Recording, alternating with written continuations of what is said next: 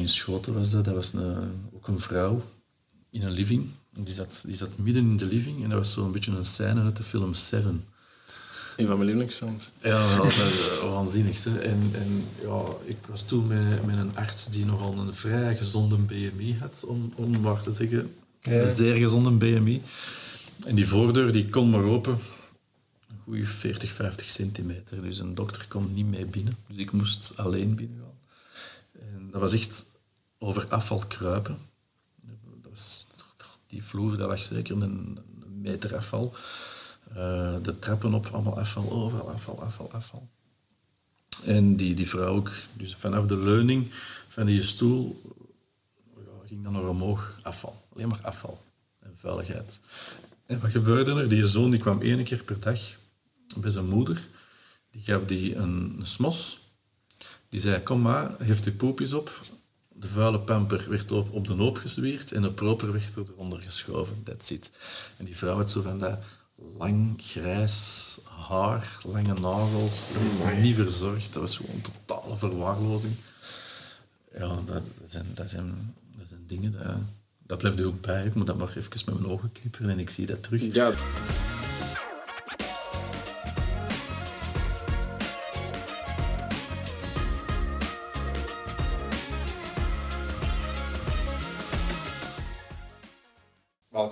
Podcast. Hey. Dankjewel om tijd te maken. Ja, graag gedaan. Eh, het is heel inderdaad tussen de soep en de patat. Het is heel snel gebeurd. Wat heel leuk is. Dus dankjewel daarvoor. Nee, ik ben blij om hier in de studio te mogen zijn. Hoor. Ehm, maar je hebt dus zelf ook een podcast. Hè? Ja. Misschien gaan we daarover beginnen en dan kan je een beetje vertellen. Ja, de, de podcast 112 verhalen. Eigenlijk is die eh, ontstaan door een boek dat ik heb geschreven, dezelfde titel, 112 verhalen. En dat is eigenlijk een boek, eh, een bundel van, van 112 interventies die ik zelf heb meegemaakt als betrokken hulpverlener, zowel op de mug, de ziekenwagen of eh, in het ziekenhuis zelf op de spoed. En ehm, door dat te schrijven heb ik gemerkt dat toch heel veel verhalen bij mij zijn blijven kleven, emotioneel dan.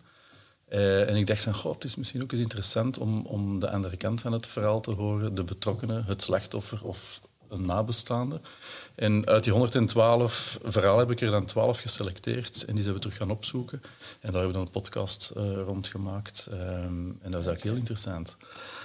Wat, wat is dan zo vooral het hele interessante haalt? Ja, omdat wij zijn, wij zijn als op spoed moet het allemaal heel vlug gaan en, en heel technisch. En, en zeker hoe, hoe hoogdringender het allemaal is, dan, ja, dan, dan zitten we op automaat. Hè. ABC is er is hij vrij, eh, ademt de patiënt of het slachtoffer, is er circulatie, zo niet, ja, wat gaan we dan doen? Dat is allemaal heel, dat ligt allemaal heel vast. En je vergeet soms dat er eh, achter dat slachtoffer ook wel gewoon een mens zit. Een mens die ook een mama en papa is, of een broer en een zus. ehm, en familie heeft. En ja, ik ben, ben een paar mensen gaan terugzoeken. Zo, ehm, om een voorbeeld te geven, Tine Embrechts bijvoorbeeld. Ik heb ooit haar zoontje geholpen en, en dat was ook... Gelukkig is dat allemaal goed gekomen. Dat waren toch wel wat spannende dagen voor haar. Ja, en dan, dan was ik heel benieuwd van hoe is dat om, om mama te zijn en een kind hebben die op intensieve ligt aan de beademing. En eh, ja, hoe, hoe gaat het ermee om? Voor ons is dat heel, heel technisch. Eh, Wij, wij kijken naar de bloedwaarde, de, de beademing, werkt die goed, gaat die goed? Ehm, maar er staat inderdaad een mama naast. Een bedje. emotionele kant. Ja, en, en daar, daar was ik wel heel geïnteresseerd. Een ander verhaal is over, over iemand die ehm, eh, zijn mama heeft zien reanimeren. Ehm, ja, hoe is dat? Hè? Wij zijn op dat moment alleen met die mama bezig en je staat erbij als zoon. Ehm, en de insteek van die verhaal is dan ook altijd een beetje een boodschap in geval van die reanimatie bijvoorbeeld. Van ja, oké, probeer, probeer dat ook te kunnen. Iedereen kan basic Ja, life ik, support. ik had daar een vraag over, want stel bijvoorbeeld, ik had eerst dat ik het toevallig op café gehoord, iemand beweerde, en ik was dus niet zeker over dat feit, en ik dacht, ja, binnen een paar dagen zit ik nu samen met iemand die daar wel iets weet, dus ik kan hem een keer vragen. Want die beweerde van, het is altijd beter dat je iets probeert te doen, dan dat je niks probeert te doen. Nee, dat is ook zo. En, en het is zelfs ook wetenschappelijk onderbouwd. hè. Vanaf 12 jaar kan eigenlijk iedereen eh, hartmassage doen. En misschien dat uw vriend ook zoiets heeft van ja, die, die mond-op-mond beademing, en dat doe ik liever niet. Wel, dan doe je dat ook niet. Als je maar compressies geeft, als je maar hartmassage doet, als je maar iets doet. Eh, Dat zien we toch nog wel vaak, dat, dat, dat mensen nog niks doen. En dat, is, dat is verloren tijd. Ja, ja, dat is misschien inderdaad strek- schrik van ik ga iets verkeerd doen of ik ga het nog erger maken of zo. Ja, of het niet, niet, niet, niet inzien dat het, dat het dringend is. Hè. Ik kan, ik kan zo'n verhaal vertellen van iemand die gevallen was met de fiets. Dat was een oproep. Ik kom eraan met de ziekenwagen. Ja, die lag inderdaad op de grond naast haar fiets, maar wel te gevolg van een hartstilstand. Ja, en als die toeschouwers of die mensen die dan de 112 hebben gebeld, die op die manier concreet doorgeven, ja, dan wordt ook alleen de ziekenwagen gestuurd. Eh, De mug die moet je dan nog apart oproepen. Maar ondertussen moet je al wel beginnen met hartmassage. Dus nu gelukkig, dat was op 500 meter van het ziekenhuis. Dus die, die vrouw heeft dat gehaald. Maar had dat op 8 kilometer van het ziekenhuis geweest, dan was dat een heel ander verhaal geweest. Ja, ik denk dat alleen dat is wel stevig. Maar ja, bijvoorbeeld zo dingen als een helm niet afvallen en zo. Ik heb dat geleerd, ooit denk ik, eh, in de EHBO-cursus. Maar ik ben ook surfinstructeur. Ja. Dus ik heb wel zo EHBO- en reddersopleidingen gedaan. Maar zo, die zaak, ik denk dat dat nog altijd geen algemene kennis is hoor, bij veel mensen. Nee, maar dan ook, eh, zeker zo'n Heimlich-manoeuvre, dan iemand die aan het stikken is, ja, probeer, probeer iets. Hè. Ja, Je moet er altijd van uitgaan, de mensen zijn al zeer slecht of dood. Dus je, Ah, die dood is, kan die doder zijn, want hij is het al of zij. Ja. Dus pro- probeer er toch een beetje leven in te krijgen, probeer iets te doen, eh, dat kan het verschil maken. En misschien ook voor jezelf, hè, als, je, als, als, als het nadien volledig fout is afgelopen, dan gaat u zelf ook niks kwalijk nemen van, "Goh, had ik maar iets gedaan. Ja. Dus gewoon doen. We zijn er nu al direct ingevlogen. Ja. Ehm, ik heb eigenlijk ook nog niets aan om te drinken. Normaal staat er hier waterkoeler. Ik zal u straks weer Wel, dat is goed. Als mijn hond te veel plakt, dan moeten we maar iets geven. Eh, maar jij bent dus verpleger. Ja, al, al 25 jaar ben ik verpleegkundige. Ik ben in 98 eh, afgestudeerd. Daarvoor reed ik al wel twee jaar ook ziekenwagen in Stuivenberg, in Antwerpen. Maar sinds 98 op de spoeddienst van eh ZNA Jan Palfijn. En tot op vandaag nog altijd. Eh, oké. Sinds 2016 wel halftijds. Omdat ik ook meer en meer eh, werk heb in de creatieve sector. Ehm, en dat is anders niet meer te combineren. Wat doe je in de campus? Ja, theater, eh, televisie heb ik al gedaan. en dan inderdaad een boek schrijven, daar kruipt ook tijd in, Ja. podcast maken. Ehm, dat zijn een beetje de dingen die ik doe. Ik heb ook altijd bij Accident gewerkt. Dat is het grappig dat het ook Accident noemt. Een theatergezelschap rond Herman Verbrugge en Jan Hongenaert. En wij maakten, of wij maken nog altijd, straattheater en, en bedrijfstheater en bedrijfsanimaties. En zo op die manier ben ik er wat ingerold. En, en ben ik in 2016 ook gestart met een eigen theatervoorstelling, Fractie van een Seconde. En dat is heb ik eigenlijk gezien om... toen ik hier aan het research was. Ah ja, voilà. En dat is dan, wij gaan trouwens 28 september in première Ja. met de nieuwe, de nieuwe versie, de nieuwe fractie van een seconde met een nieuwe tegenspeler. Ehm, dus ja, daarom halftijds, maar... Ja, En heeft dat ook zo een beetje een ongeval of zo? fractie van een seconde. Dat gaat eigenlijk over ehm, een hulpverlener, ikzelf dan, en dan eh, in dit geval de nieuwe versie is met Michael Gijsels. Michael is een slachtoffer van een verkeersongeval, een werkongeval gehad, eh, tegen een boom beland en zijn nek gebroken. Dus die man zit in een elektrische rolstoel, van Gent ook. Ah, oké. Michael Gijsels. Is een danser ook. En, ja, en samen bundelen wij onze verhalen.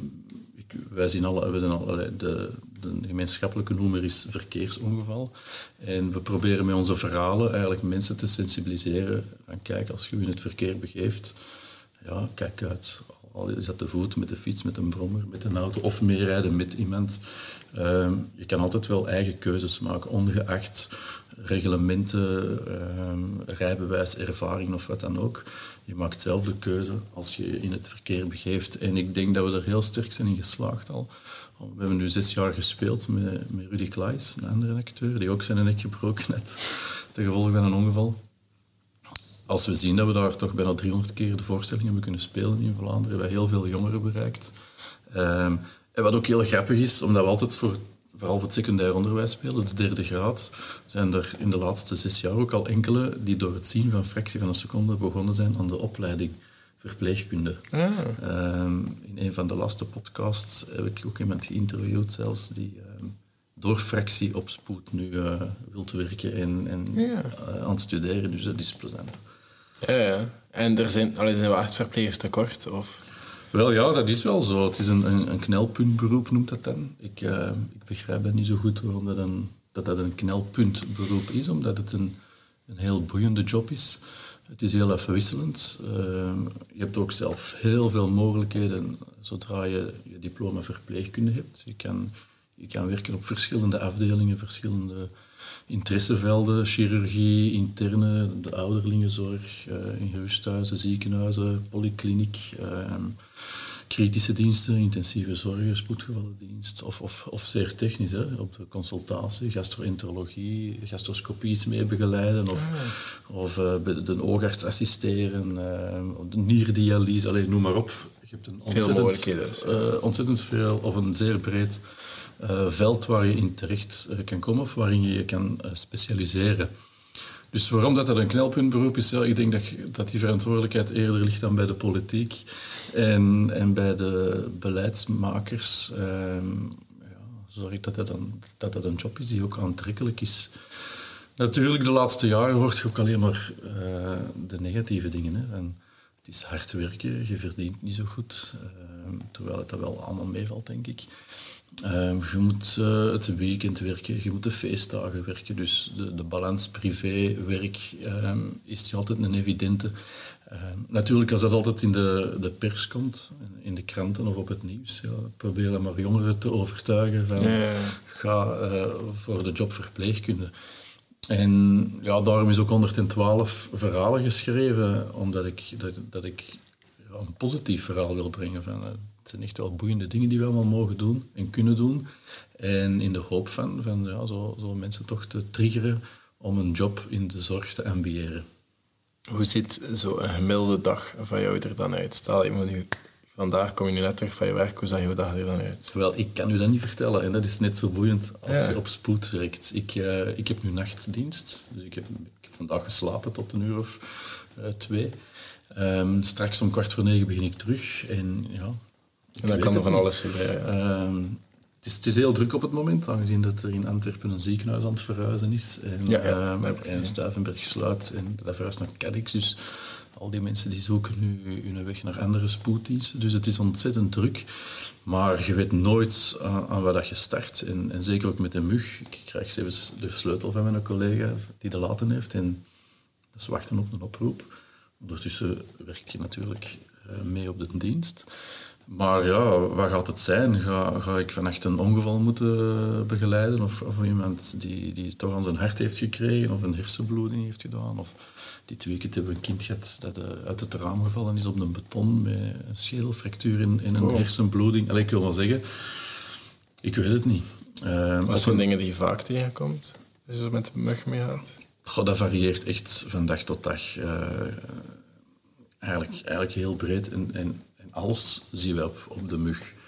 Uh, en dat maakt het ook niet zo, zo boeiend. Uh, wij, zijn, wij zijn heel jonge mensen, zelfs mensen die geboren worden, tot zeer echt, echt heel oude mensen die heel slecht gaan. Inderdaad, de, de verkeersongevallen, de arbeidsongevallen, uh, kinderen die, die stoten uitsteken, suïcide helaas ook, ehm, geestelijke gezondheidszorg, intoxicaties, drugs, alcohol.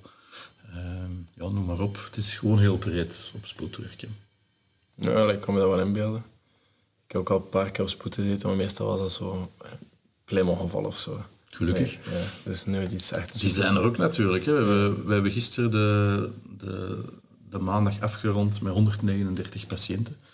Dus dat is vrij pittig, dat is, dat is vrij druk.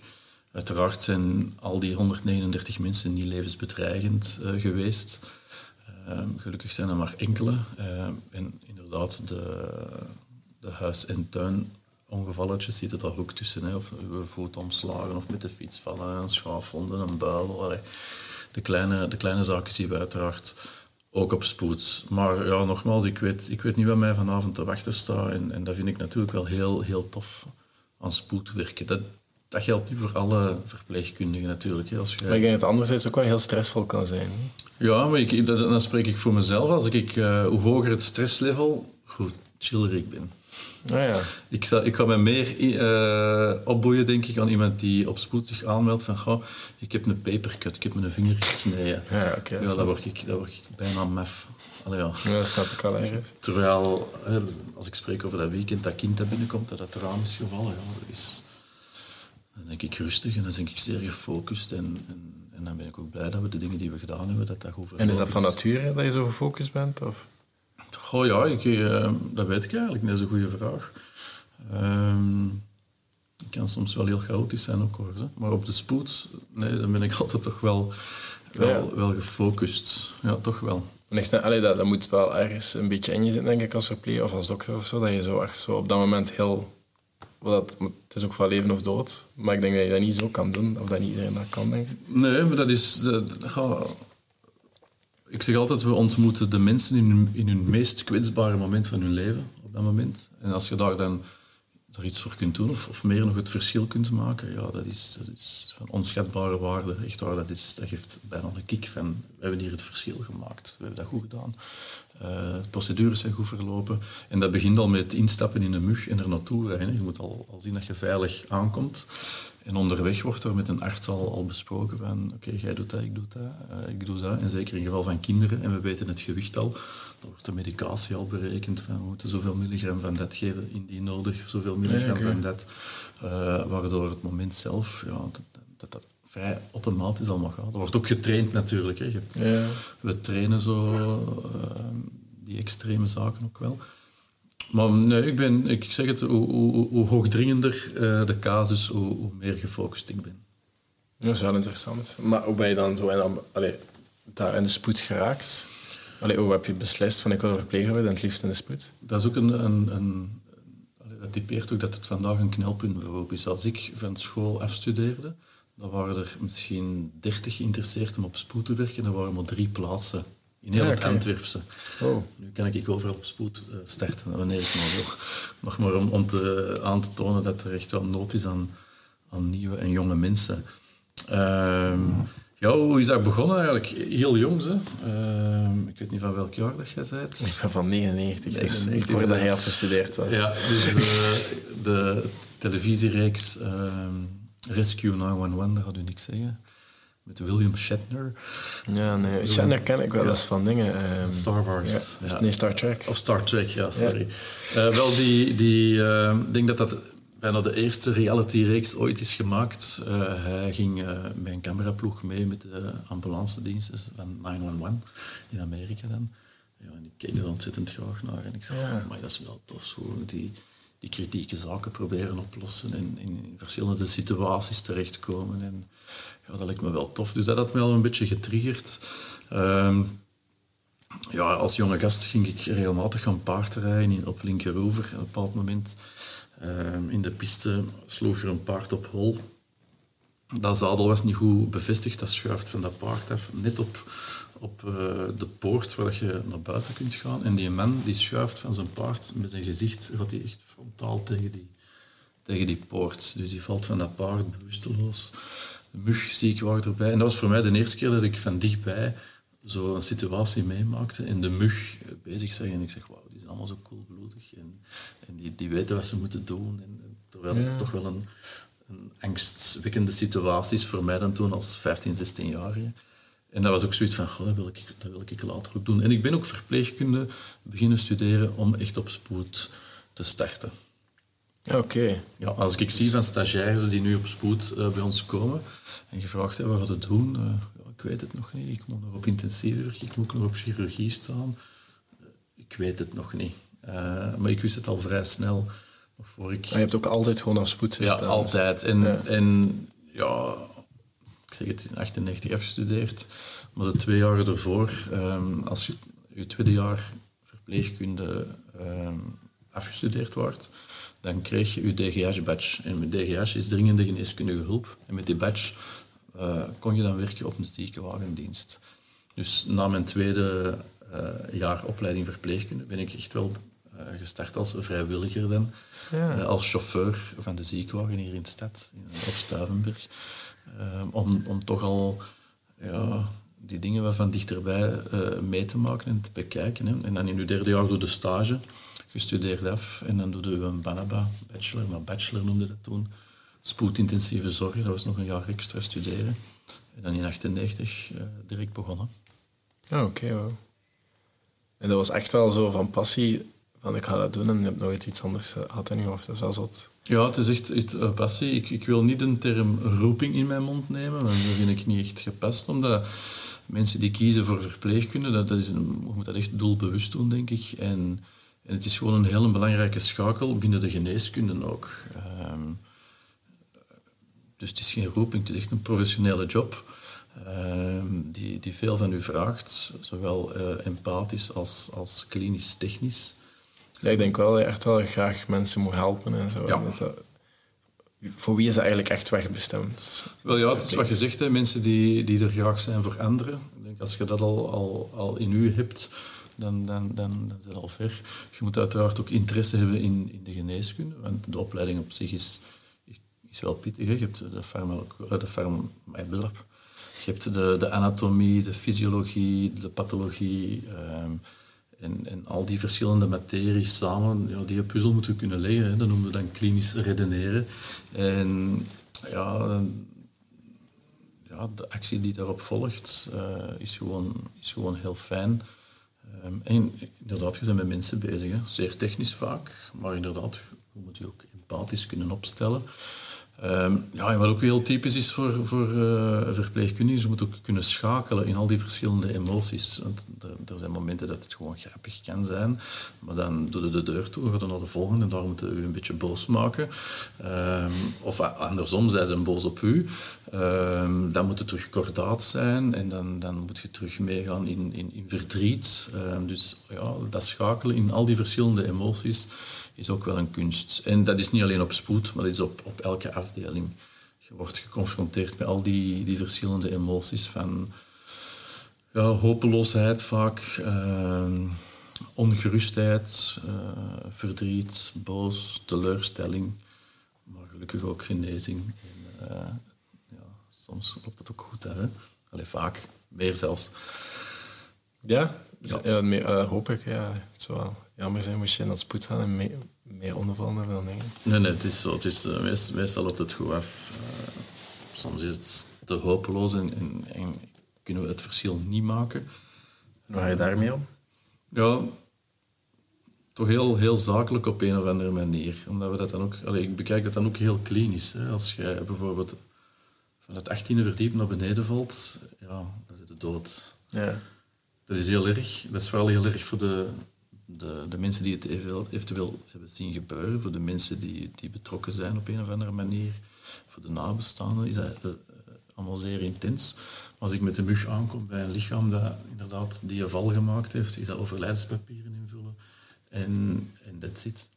Um, het is veel moeilijker om dan te moeten omgaan met die emoties daar rond allemaal. Je moet eventueel de echtgenoot of echtgenoten opvangen, of de kinderen. Um, en dat is dan vooral daar zijn voor die mensen, luisteren. En ja, er is, er is weinig goed je op dat moment kunt zeggen of wat het verschil gaat maken om dat verdriet weg te nemen. En zeker in zo'n acute setting is dat bijna onmogelijk. Maar er gewoon zijn op dat moment voor die mensen en luisteren uh, kan heel belangrijk zijn. Um, op spoed zien wij vooral de mensen heel kort.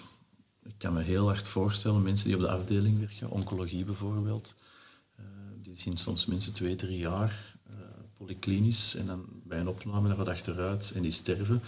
Ja, je hebt, je hebt een band met die mensen, sowieso. Ja. Je kent, je kent uh, en zeker wat, bij wat iets oudere mensen, je weet dat die grootouder zijn geworden, je weet wat dat kleinkind noemt, je ziet die op bezoek komen. Um, dat, is, dat is helemaal anders. Hè. Ze hebben al een, deeltje van die familie. Op spoed is dat veel minder. En gelukkig maar, als ik ik zei daarnet al, als we gisteren 139 man hebben gezien, moesten we bij alle 139 ons zeer betrokken voelen. En ja, dat, dat is niet werkbaar. Maar er zijn momenten dat je zo ja, echt wel stilstaat en goh, dat is toch, ja, dat is toch erg of dat, is, uh, dat was dramatisch. Of, ja, en dat, ik ben ook heel erg verschoten bij het schrijven van dat boek. Hè. Mensen vragen, heb je, heb je dan een dagboek bijgehouden of zo? Dat heb ik eigenlijk nooit gedaan. Het was pas als ik getriggerd was om die boek te schrijven, dat ik een, een Excel-bestand maakte. Ik dacht van 112, ik zal zien dat ik 120 titels heb. Dan kan ik nog wat schrappen als er twee zijn die op elkaar lijken. En op, op twee, drie dagen had ik al mijn titels gewoon geschreven ja. uit mijn ja, herinneringen gewoon. Dus, en hoe selecteer je dan verhalen? Ja, een beetje in vijf categorieën. Als je, als je op spoed komt, word je ook in vijf verschillende categorieën uh, getrieerd. Getrieerd wil zeggen dat je binnen het kwartier wordt je sowieso gezien door de triageverpleegkundige. En die gaat de hoogdringendheid inschatten. Ja, okay. En dan krijg je een kleurencode. Als je blauw bent, dan hoort je echt niet op de spoed. Dan ga je even moeten wachten. Dan dat even moeten wachten, ja. Uh, groen is, is, we zullen nu helpen, maar er is absoluut geen hoogdringendheid. Geel, dat zijn mensen die binnen het uur toch door een arts moeten gezien worden. Dat zijn mensen met, met een appendicitis, met, met een pneumonie, een nierkoliek of een galcrisis. Dus er is, er is wel meer onderzoek nodig en, en, en, behandeling. Dan heb je de oranje mensen, dat zijn mensen die eigenlijk echt wel heel slecht uh, binnenkomen, die zo snel mogelijk moeten geholpen worden. En dan rood, dat, zijn, ja, dat is alle hens aan dek en onmiddellijke hulp of het is te laat. Dat gaat dan vooral over reanimaties of zeer zware ongevallen. In een boek heb ik dat ook zo'n beetje. Ik heb zo'n twintigtal blauwe verhalen gemaakt. Dat is dan waar dat vooral humor in zit en, en wat onzin. De groen is... eentje loslaten? Ja, dat gaat over, over iemand die mij belt. Uh, ja, ik heb, uh, ik heb een hond met suikerziekte en die heeft mij gebeten. Krijg ik nu ook diabetes? Ja, uh, nee. Ehm, over mensen die ja, die iets in hun poep hebben gestoken of zoiets. Allee, dat is, uh, Kom je echt zo vaak tegen? Ja, dat komt er toch wel tegen, ja.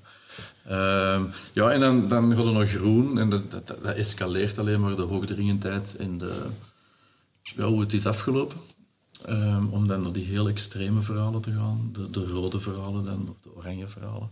En dat gaat dan over, over ongevallen met echt verschillende dodelijke slachtoffers. Um, van die, ja, één verhaal wat ik in een boek ook uh, beschrijf en dat heel typerend is om, om te schakelen tussen al die emoties.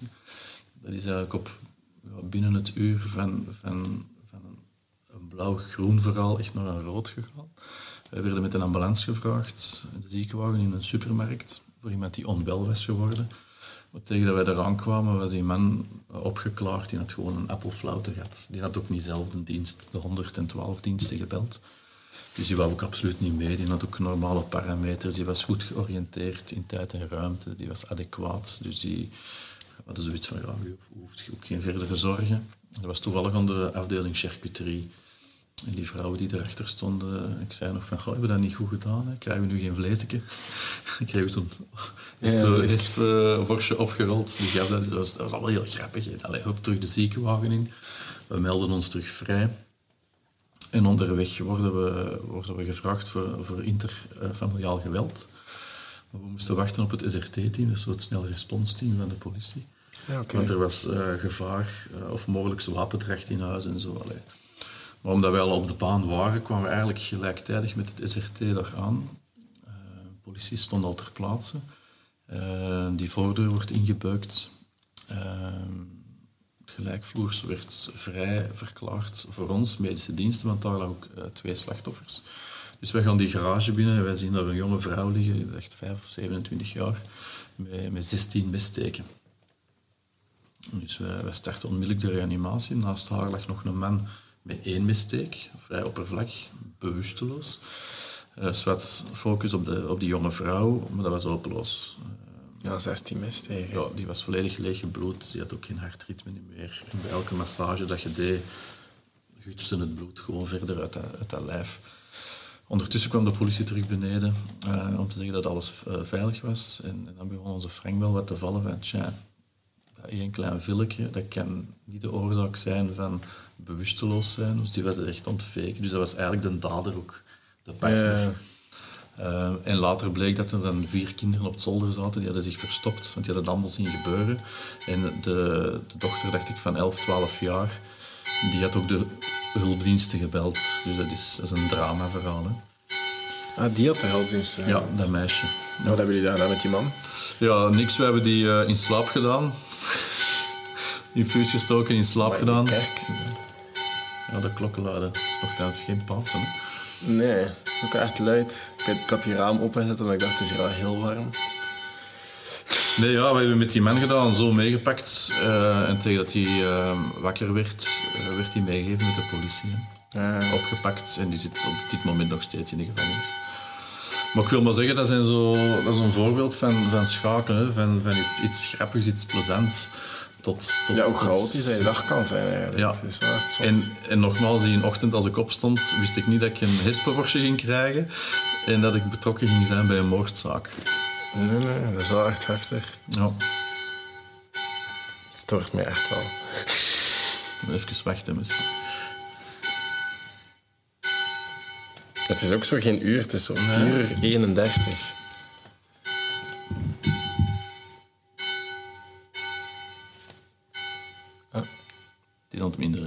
Oké, terug.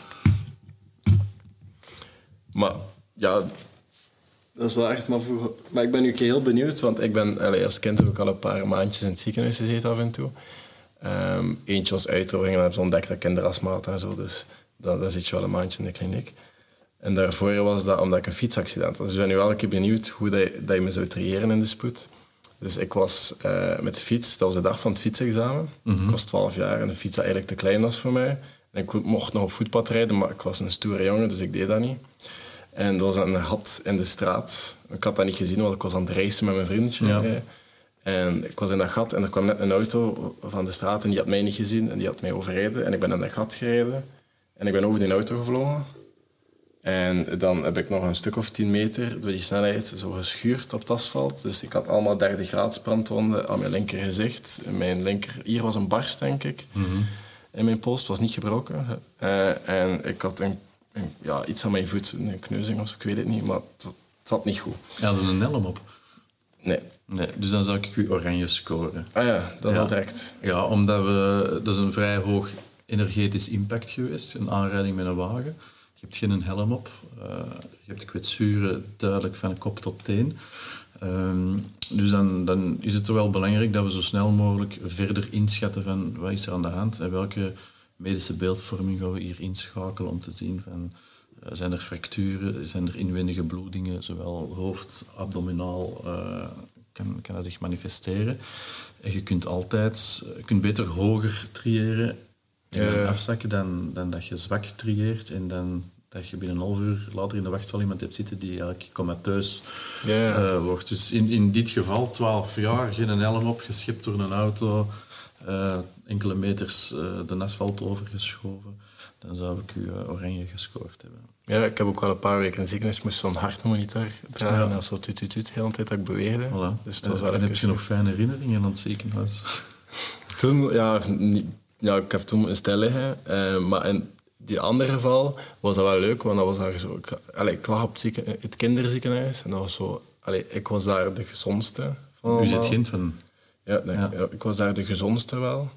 En dat waren allemaal kindjes met heel zware ziektes. En ja, het zat maar kankerpatiëntjes en zo ja. tussen en zo. En ik was dan, ja, ik was uitdrogen. Dus het enige wat ik moest doen, was plassen in een fles. En ik mocht drinken wat ik wou. Appelsap, chocomelk, dat weet ik allemaal nog. En dat was zo'n glazen kooi. Al die kamers Ja. zijn zo'n glazen kooi, dus je kon elkaar zo zien. Ehm, en dan hebben ze ontdekt dat ik kinderastma had. Eh, ik ben er uiteindelijk van genezen. Want gelukkig, want dat was mijn grootste stress voordat ik naar het leren ging. Ja, Ehm, maar toen moest ik ook zo iedere avond aan de machine hangen. aerosol. Ja. Eh is voor een zo'n uurtje, denk ik. En, eh, maar ja, daar, dat was zo een zomer. En dan de andere geval van de ongeval was ook zo nog een keer een, een weekje of twee of drie. Eh, maar uiteindelijk, dat is allemaal genezen. Ik moest dat altijd in de zon insmeren met Nivea, Ja. zei de dokter Ja, toen. ja. En eh, ja, mijn pols was gebarsten, dus dat zat in het gips. Maar voor de rest was het oké, denk ik. Maar ja, toen, ik weet wel nog dat de leerkaart, toen, want dat was de dag van het examen. En zo eh, over heel de speelplaats had gezegd, want dat was net om de hoek van school, dus ze hoorden de ambulance toen dat de wekker afging. En ze zei, ja, kijk, dat komt ervan als je geen helm draagt, voor heel de speelplaats. En ik dacht, amai. Maar ja, ergens terecht. Eh, maar ik zei het, ik was een stoere jongen en ik deed graag mijn hoesting. Ja, een helm maakt, een helm maakt het verschil. Hè. Ik, Ja, ik denk dat ik geen brandwonden had opgelopen. nee, ik heb, eh, ik heb eh, vorige week nog opnames gehad in een podcast, De Insider van het Nieuwsblad, over de fietshelm. Ehm, omdat wij op spoed ja, zien wij het verschil. Hè. Er zijn het impact, hetzelfde ongeval met of eh, zonder helm ja, is, is significant, significant gewoon. Hè. Je kunt het echt, kan echt je leven redden. Die terzijde. Nee, nee ja, ik geloof daar zeker in. En als kind zeker. Uh, ja, ik denk, ik heb daar toen ook wel nog twee jaar, denk ik, zo, iedere keer als het warm werd, werd mijn huid rood. Ja. Maar nu zie je daar niks meer van. Ik ben daar heel blij om. Maar toen was dat wel, ik heb daar wel nog een jaar of twee last van gehad. Ja, ja nee, dat is zo. Dat is zo. Uh, Gelukkig dat het goed gekomen is. Ja, en dat was ook zo heel two-face. Heel die oog was hier zo, al de aders waren gesprongen. Oei. Dus dat was zo vuurrood en dat was zo wit. Dus dat was allemaal zo, zo vuil, zo like two-face van Batman. Dus dat was al zo... En als kind van 12 jaar sta je daar wel voor de spiegel en denk je, oh, fuck. maar ja. Maar ik was nu wel een keer curieus van waar ik in getrieerd werd. Maar ik, ik had toen wel echt geluk, want dat was, ik was, dat was allemaal voor het huis gebeurd van de verpleegster. Oké. Dus die heeft mij dan echt, uh, die heeft ambulance gebeld en die heeft mij toen uh, niet verplaatst. Die heeft wel mijn fiets en zo van mij gehaald en zo. Ja. Dus ik, ik weet wel nog dat ik was niet van bewustzijn, want ik, ik herinner me daar heel vage dingen van. Ik was heel tijd weg en terug aan het komen, denk ik. Maar ik weet dat zij boven mij hangde en aan het babbelen was tegen mij of zo mijn naam vroeg of zo. En dan, dat was alles wat, wat, ik nog weet ervan. Het feit, dat je, eh, het feit dat je dat nog herinnert, heeft dat toch indruk? Ja, dat is wel mijn eerste echte ongeval. Ja. Dus dat iets moeten terug opzoeken, die vrouw. Ja, ik weet dat gewoon. Kende mij nog, dat manneke van 12? Ja. Ja, ik denk, ik denk wat ik er net al zei, van, eh, want ze moeten mensen in hun meest kwetsbare moment van hun leven. Uh, dat, dat, geeft echt wel een indruk op ons. Maar andersom blijkbaar ook. Ja, ja, ja. in, die, in die podcast ook wel ontdekt. Dat, de manier dat, dat, je, dat je mensen helpt, de manier waarop is echt wel ja, bepalend. Eh, of mensen tevreden zijn of, of, of gerust zijn of vertrouwen hebben. Ik heb zo, een van de afleveringen was ook de, een, uh, Jean Bosco Safari, een Vlaamse zanger. Die zijn vrouw kwam bij ons op spoed, die was echt niet goed. En heb ik een podcast gemaakt over vertrouwen, want ja, wij, wij gaan heel routinematig steken wij een infuus, geven wij medicamenten en van alles nog. Maar ja, wij staan er niet vaak bij stil van, ja, hoe is dat voor, voor die patiënt of dat slachtoffer? Ja. Wij steken wel een naald door uw arm in een ader, wij, wij, spuiten daar nog medicamenten in. En mensen stellen zich niet de vraag van, is dat wel, heb je dat wel steriel gedaan? Kun je dat wel goed? Ja, Heb je wel het juiste ingespoten? Is dat wel zeker dat het antibiotica is? Is dat wel zeker dat het pijn? Nee, mensen leggen eigenlijk hun, hun vertrouwen in, in, in handen van vreemden. En ik vind dat een heel merkwaardig mechanisme dat dat, dat, dat eigenlijk altijd ook gaat. Dat mensen zo... Nee, dat is... Dat is een wildvreemde mens. En, en ook intiem ook. Hè. Wij moeten een cardiogram nemen, dus wij moeten aan de mensen vragen, ontbloot uw borst. Mensen doen dat onmiddellijk. Allee, dat is omdat, ze weten, we gaan een cardiogram nemen, dus dat is nodig. Of je moet mensen sonderen. Uh, ja, je kunt je broek naar beneden doen. Allee, dat, is, dat is allemaal... En dat gebeurt dat allemaal. Okay, dus, en, en dat is ook mooi aan de job verpleegkunde, denk ik. Uh, dat wederzijds respect, dat wederzijds vertrouwen. Uh, dat je en dat moet absoluut niet, niet beschadigen ook. Maar het is, het is bijna een privilege dat dat kan en dat dat mag, dat wij, dat wij mensen mogen verzorgen en dat ze dat ook toelaten. En, en dat vind ik toch wel ja, heel, ook heel mooi aan de job uh, of, of, aan een job in de zorg, dat, uh, dat mensen je vertrouwen. Ja, wel, want allee, dat je zegt dan, dat is, dat is, je mag dat zeker niet verbreken, dat vertrouwen, of daarmee spelen. Maar ja, er is een heel kleine foutenmarge. En dat is ook ik denk dat het heel vaak gebeurt dat er... Allee, daar gebruiken vaak fouten in, denk ik. Want er zijn altijd mensen waarmee je werkt. Er is zo, die grens is, is, is dun, daarom dat je ook altijd super alert moet zijn. Maar we zijn ook maar mensen. Ja, ja. En ja, een, een van mijn verhalen in mijn boek is ook een fout dat ik ook heb toegegeven op dat moment. Door samenloop van omstandigheden, uh, met een mug, kleine kamer, weinig licht. Uh, dat was iemand die een, uh, zijn suikergehalte stond zeer laag, dus die gaan in, in een coma. Ehm, als ze echt in coma zijn, dat is het makkelijkste, want dan zijn ze echt bewusteloos en doen ze niks. Maar je hebt er nog een, een, een, stadium voor, en dat zijn de mensen die zeer geagiteerd zijn en agressief. Die weten dat, die beseffen dat niet. En dat was zo iemand, dus wij moesten die met drie, vier man immobiliseren om een infuus te kunnen steken, om dan glucose, om suiker te kunnen toedienen. En dat, dat ging allemaal, allemaal zo snel. En, en, het licht was ook niet goed en ik pak een ampulle glucose, ik trek dat open, ik spuit dat in. Die blijft geagiteerd. Hoe kan dat nu? dat hij niet wakker wordt. Dus ik wil een tweede ampulle glucose nemen en ik zie dat al mijn ampullen glucose er nog in zaten. Dus ik dacht, fuck, ik heb iets verkeerd ingespoten. Ik wist ook direct wat adrenaline in de plek van glucose. Oei. Die ampullen zien er in een donker kijk hetzelfde uit. Het een is, is geel, adrenaline is geel en de glucose is, is ja, vuil oranje. Als het donker is... Welk effect heeft dat? Want we hebben dat er vandaag nog over. Een EpiPen, als je dat bij iemand normaal inspuit, wat gebeurt er? Eh, Als je, dat, is, dat is een halve milligram, dat gaat niet veel doen. Ah, Je gaat een beetje opgejaagd, opgejaagd kunnen voelen, maar dat gaat, dat gaat, dat gaat niet extreem veel. En zoals hij had gedaan, Wel, dus ik was natuurlijk helemaal niet, alleen paniek niet, maar ik had, ik, ja, ik voelde me er echt heel slecht bij. Dus direct eh, de monitor aangesloten. Ook. Nu, gelukkig zijn het effect bij die man was, was zijn bloeddruk die is gestegen tot, tot eh, 17 bovendruk, denk ik, 10 onderdruk. Eh, zijn hartslag was, was een 120, dus verhoogd, maar niet extreem. Ehm, normaal hadden we die thuis gelaten, kon nu. Dus we hebben die meegepakt naar het ziekenhuis, op de kosten van het ziekenhuis, voor een nacht ter observatie. Ja, ik was er zo slecht van dat ik, dat ik s'nachts zelfs de cardioloog heb gebeld, eh, zelf, om, om dat ook toe. Ik zeg, ja, dat heb ik gedaan. En die heeft mij toen wel wat gerustgesteld van, ja, kijk, als iemand zo in, in, coma is en in zeer geagiteerd is, is zijn natuurlijke adrenalinespiegel al vrij hoog, waardoor dat die, die extra adrenaline niet, veel, niet veel zal doen. En inderdaad, s- s morgens is hij naar huis kunnen gaan. Die heeft eigenlijk geen problemen gesteld. ja. Maar we moesten natuurlijk die dosis, hè, want zo'n ampullen, dat zijn 20 epipinnen tegelijk.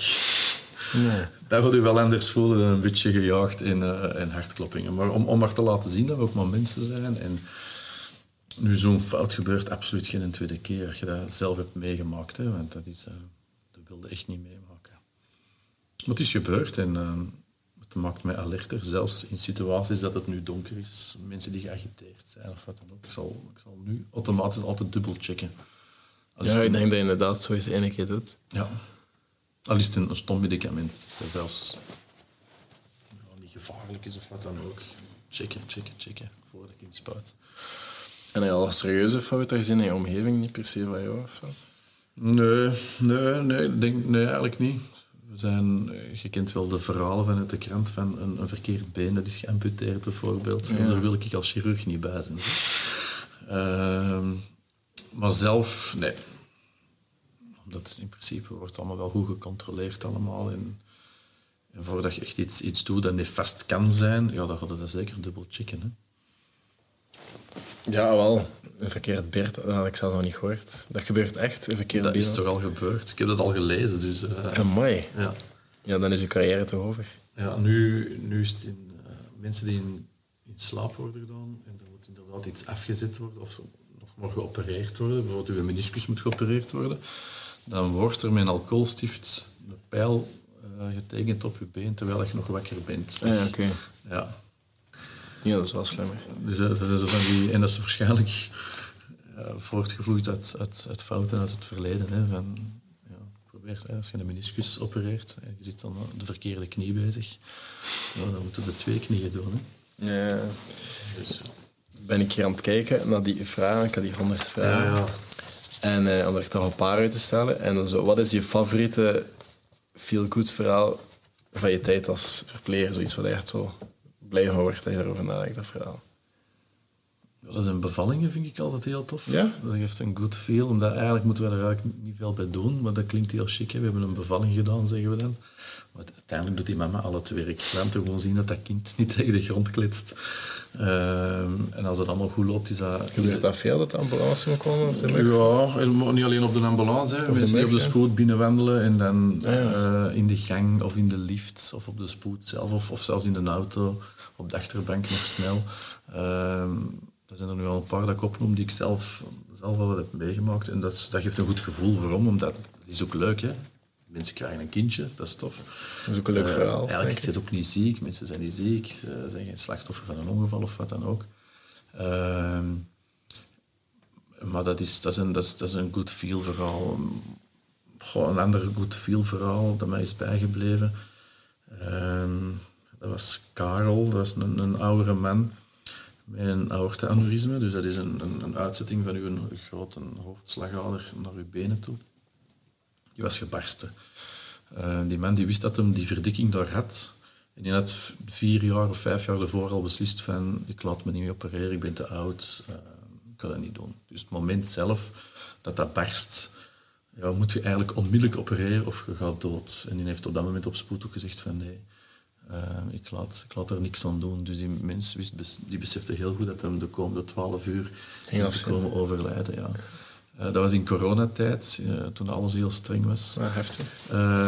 maar toch, dat was met kerstavond ook nog eens. Wow. en het was gelukkig heel rustig op spoed. Dus ik heb eigenlijk heel mijn tijd kunnen steken in die man en in de opvang van die familie. En ja, dat is ook een goed feel. Die man is wel gestorven om kwart voor zes of kwart na zes s morgens uiteindelijk.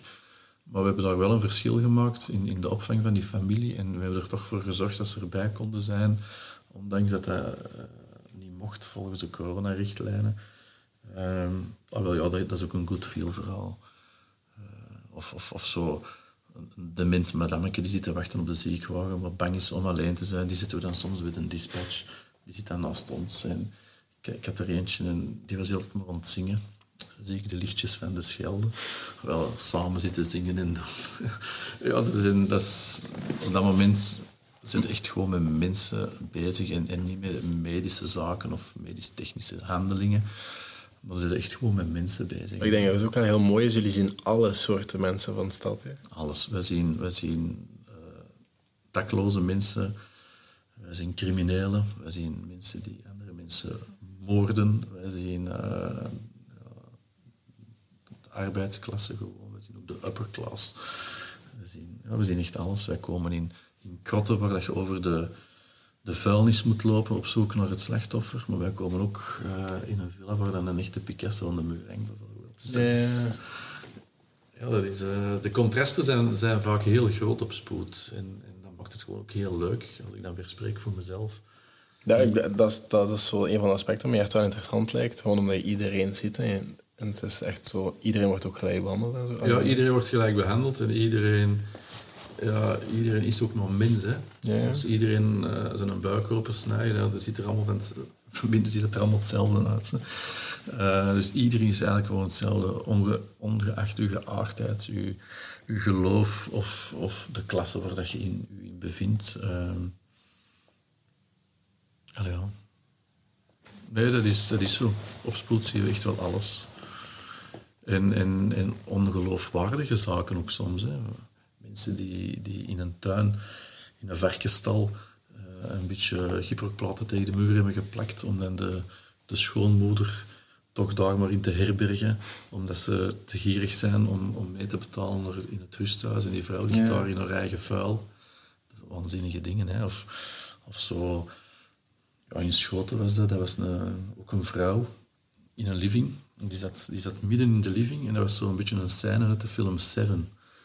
Een van mijn lievelingsfilms. Ja, dat was waanzinnig. En, en ja, ik was toen met, met een arts die nogal een vrij gezonde BMI had, om, om maar te zeggen. Een zeer gezonde BMI. En die voordeur die kon maar open. Een goede 40, 50 centimeter. Dus een dokter kon niet mee binnen. Dus ik moest alleen binnen gaan. En dat was echt over afval kruipen. Dat was die vloer, dat lag zeker een, meter afval. Uh, de trappen op, allemaal afval, overal afval, afval, afval. En die, die vrouw ook, dus vanaf de leuning van die stoel ja, ging dan nog omhoog afval. Alleen maar afval en vuiligheid. En wat gebeurde er? Die zoon die kwam één keer per dag bij zijn moeder. Die gaf die een, smos. Die zei, kom maar, geef je poepjes op de vuile pamper werd op, op de hoop gezwierd en de proper werd eronder geschoven. That's it. En die vrouw had zo van dat lang grijs haar, lange nagels, niet verzorgd. Dat was gewoon totale verwaarlozing. Ja, dat, zijn, dat, zijn, dat zijn dingen... Dat, dat blijft er ook bij. Ik moet dat maar even met mijn ogen knipperen en ik zie dat terug. Ja, dat is iets dat ik ook maar dat is, En dat is zo, dat is zo seven, hè, want die, die, die zat er dan zo, die, die was overleden, maar ik had zo, ze weet, komt hij recht en doet die... Uh, en dat gebeurt. Er was een keer een ongeval met een, vrachtwagen. Uh, en dat was achter de hoek van het ziekenhuis. En de, de mensen kwamen te voet uh, hulp vragen. Oh, er een ongeval gebeurd. Dus wij stappen in de mug in de ziekenwagen, we rijden het hoekje om. Het was een zonnige dag, een blauwe hemel en ik zie vanuit de mug op 10 meter afstand waar ik parkeer al... Oké, deze is, wat daar ligt is niet leefbaar. Punt. Maar wat er gebeurd was, een, een, een vrouw uit de rusthuis die met een rollator achter de vuilniswagen nog haar eigen vuilzakje wou ingooien. Dus die gooit haar vuilzakje in. Maar op dat moment... Uh, toet, toet, toet. Oh, nee. gaat hij achteruit. Met twee assen rijdt hij over die madame. Die verschiet en die rijdt terug naar voren. Dus die is vier keer uh, met vier assen uh, overreden. die was eigenlijk ja, ontromd op een of andere manier. Dus je zag eigenlijk alleen een romp liggen. En de onderste ledematen die lagen eigenlijk zo onder haar rug. Dat was helemaal opgefrommeld. Dus ik zeg, ja, die is, die overleden. En, uh, dus ik wandelde er op mijn Maxke naartoe. en doordat ik over haar kijk, maak ik schaduw op die zonnige dag. En doordat ik schaduw maak, doet hij haar ogen open en hij zegt, dag meneer. Fuck. ik kom met een collega, ja, materiaal naar hier. Ik zeg, goeie madame, gaat het? Ja, een beetje pijn in mijn rug. Uh, um, ik zeg oké. Doordat hij volledig gedislokeerd was, quasi, was dat, was dat ja, iemand die verlamd is. Hè, dus die voelde onderaan niks niet meer. Dat was ook allemaal opengescheurd, dus ik kon eigenlijk die, die buik, die darmendeel, dat was afschuwelijk. Dus we doen die in slaap. Ik zeg, mevrouw, we gaan in slaap doen. En dan nemen we mee naar het ziekenhuis. Um, en dan gaan we daar verder voor u zorgen. Wat moeten zeggen? Ja. Um, en dan, dan, dan, ja, dan, dan, gaat dat door merg en benen en zegt, dan pakt hij zo mijn hand vast. Oh, dank u meneer. Dan zie ik uw cevus wel terug of zoiets. Allee, zo, en we doen die in slaap. En die is, ja, een half uur later was, zij, was ze overleden natuurlijk. Ja, dat zijn, zo, dat zijn zo van die verhalen die u, u altijd gaan bijblijven. Hè. Een ongeval in 2008 waar dat eigenlijk de theatervoorstelling Fractie, op, uh, fractie van een seconde is, uh, is op gebaseerd en is ontstaan een ongeval met drie meisjes die vanuit Gent terug naar Rotterdam reden en, en zich te pletterijen tegen een brugpijler, alle drie op slag dood. Ja, dat, zijn, dat zijn zo de dingen die, die ik uh, nooit zal vergeten. Nu heb ik er een paar opgenoemd. Ja, maar hoe kan je dat dan eh, loslaten? Kan je dat makkelijk loslaten? Of je dan... Wel ja, ik, ik, ik, enerzijds het blijft een stuk in mijn hart, dus dat is oké. Het, uh, het is niet invaliderend in mijn geval, dus ik, ik kan blijven functioneren. Uh, ik, ik, ik heb ook zo'n mechanisme van, kijk, als ik, als ik in het ziekenhuis met een uniform uit doe en ik, ik steek dat in mijn lokker, dan blijft al de rest ook wat in die lokker. Uiteraard blijf je bij sommige dingen wel, wel emotioneel betrokken, maar dat is ook wel oké, denk ik. Maar het feit dat ik nu al 25 jaar uh, nog altijd op spoed werk, heb ik wel een, een manier gevonden om ermee om te gaan. En, en, en, en, zulke zaken die ik nu als voorbeeld geef, ja, dat geeft ook bepaalde emoties van ontgoocheling of, of, of woede of of ja, onmacht vaak. En, en ik heb zoiets van, ja, al die, al die emoties die kosten mij energie. Laat, laat die, die energie die, die ik daar heb, laat ik dat steken in, positieve dingen. En dan, dan is dat, die fractie van een seconde is daar een voorbeeld van. Of, of het boek 112 verhalen is daar een gevolg van. van ja, de, die energie steek ik liever in, iets positiefs, om dan weer andere mensen ja, te inspireren of, of stil te laten staan. 112 verhalen laat niet alleen zien hoe boeiend onze job is, maar laat ook zien dat gezondheid dat, niet vanzelfsprekend is. En, en, dat je zelf wel toch al een paar dingen zelf in handen hebt om te voorkomen dat je op een spoed belandt, bijvoorbeeld. En uh, nee, dan steek ik liever die energie in, in zulke dingen dan in een hoekje kruipen. Of, uh, ja, dat is wel heel mooi. Ja. Ik ga dat boek trouwens bestellen, want ik ben heel benieuwd naar dat, dat boek. Goed. staan daar boekhandel of, of de FNAC, er ligt hem. Ja, dat is goed. Ja. Ik zal het je laten weten wat ik ervan vind als ik hem gelezen heb. Maar ik vind, ik vind het heel zot, want je bijvoorbeeld, dan, bijvoorbeeld die kwestie van die moord, een vrouw met 16 messteken en zo, en dan drie kindjes boven en zo, dat je, je neemt dat, dat toch ergens mee naar huis? Je neemt dat sowieso mee naar huis. Hè? Nu, mijn vrouw zelf werkt ook in de medische sector, dus ja, okay. kan ik, en met de collega's kan ik erover praten. Ehm, en in C, enfant, dat, dat, eh, het, voor, het voorval van die moord bijvoorbeeld, uh, ja, dat is ook weer heel klinisch. Hè. Uh, de, de kwetsuren die ze had zijn niet levensvatbaar, dus in C is dat vrij snel afgerond. Maar als die moeder van die, dat meisje kwam aangelopen en vertelde dat die man twee dagen ervoor was opgepakt wegens bedreiging met wapen en gelost was door het parket, dan, dan heb je wel zoiets van... ja, dat komt nog harder binnen dan, Ja, dat dan, dat, lichaam, dan, dan dat lichaam zien liggen. En, eh, of, of anderzijds, die kinderen die daar ja, dat hebben moeten zien gebeuren en, en, en, en dan ook de, de 112 hebben gepeild, ja, dat je daarbij stilstaat. Ehm, ja, dan is het ook weer al heel bepaald uit welk nest dat je geboren wordt. Ja, ja, en dat heeft gevolgen voor Ja. die kinderen. Dat Ja. is zeker waar. Dat is zo. Ik vind dat, allee, dat, dat lijkt mij allemaal heel zot dat je zo van die verhalen komt. Heel boeiend en heel straf. En dat is, ik denk dat dat allemaal heel veel impact heeft voor die mensen dat je helpt. En dat dat wel echt heel mooi is dat je doet. Ik, Ik kan het alleen maar, ik kan het eigenlijk iedereen aanbevelen. Ja, Zeker iemand die jong is en niet goed weet wat, wat, wat te doen. En, en je hebt wel wat feeling met... eh, En je bent een sociaal iemand en, en, en je hebt wat feeling met, met, met, de, met wat, wat medische kennis of, of het interesseert u. Ja, dan moet je niet twijfelen. Ja, je maakt wel wat impact, denk ik. En zeker nu al die verhalen verteld, dat is heel mooi. Ik ben, ik ben onder de indruk. Allee, vooruit. Dan hoop ik dat de mensen die luisteren dat ook zijn en, en eh, zich inschrijven voor de opleiding verpleegkunde. Dat het ooit geen knelpuntberoep eh, niet meer zou zijn, zou mooi zijn. Hè? Wel, stel nu iemand beslist om verpleger te worden, hoe ziet dat eruit om in de ehm, spoed te belanden? Wat moet hij daar allemaal voor doen? Ja, in, in de, wij zien vooral de vierdejaars eh nu, eh, verpleegkundigen in opleiding. En meestal doen die in hun stage dan inderdaad de stage kritische diensten. Dus die gaan een paar weken op een intensieve staan, een paar weken op een spoeddienst. En dan ja, krijg je een, een, een, soort mentor, iemand waar je wat aan gekoppeld wordt. En ehm, die, die gaan u begeleiden tijdens uw, uw stage. En in het begin is dat heel veel dingen die je samen doet. En af en toe lost je dan je student en zeg je, gaat dat nu eens alleen doen of gaat dat zelf doen. En ehm, ja, je, je, je merkt heel snel aan de studenten van oké, dat is een voor de spoed en dat is, is eerder iemand voor intensieve zorg of voor de zaal. Eh, dat merk je wel. Je moet, moet heel goed kunnen omgaan met, met chaotische situaties, met ontremde situaties. Eh, je moet je, rust kunnen bewaren eh, en je moet kunnen schakelen. En, en, vaak een versnelling hoger schakelen als het moet. Dat zijn zo wat, wat kenmerken voor op spoed. Hè. Ehm, anderzijds, hoe het op een, op een zaal gaat, ja, dat moet je aan mij niet vragen. Want ik heb, ik heb nooit echt, nooit echt daar gewerkt buiten dat ik student was. Dus dat is heel lang geleden.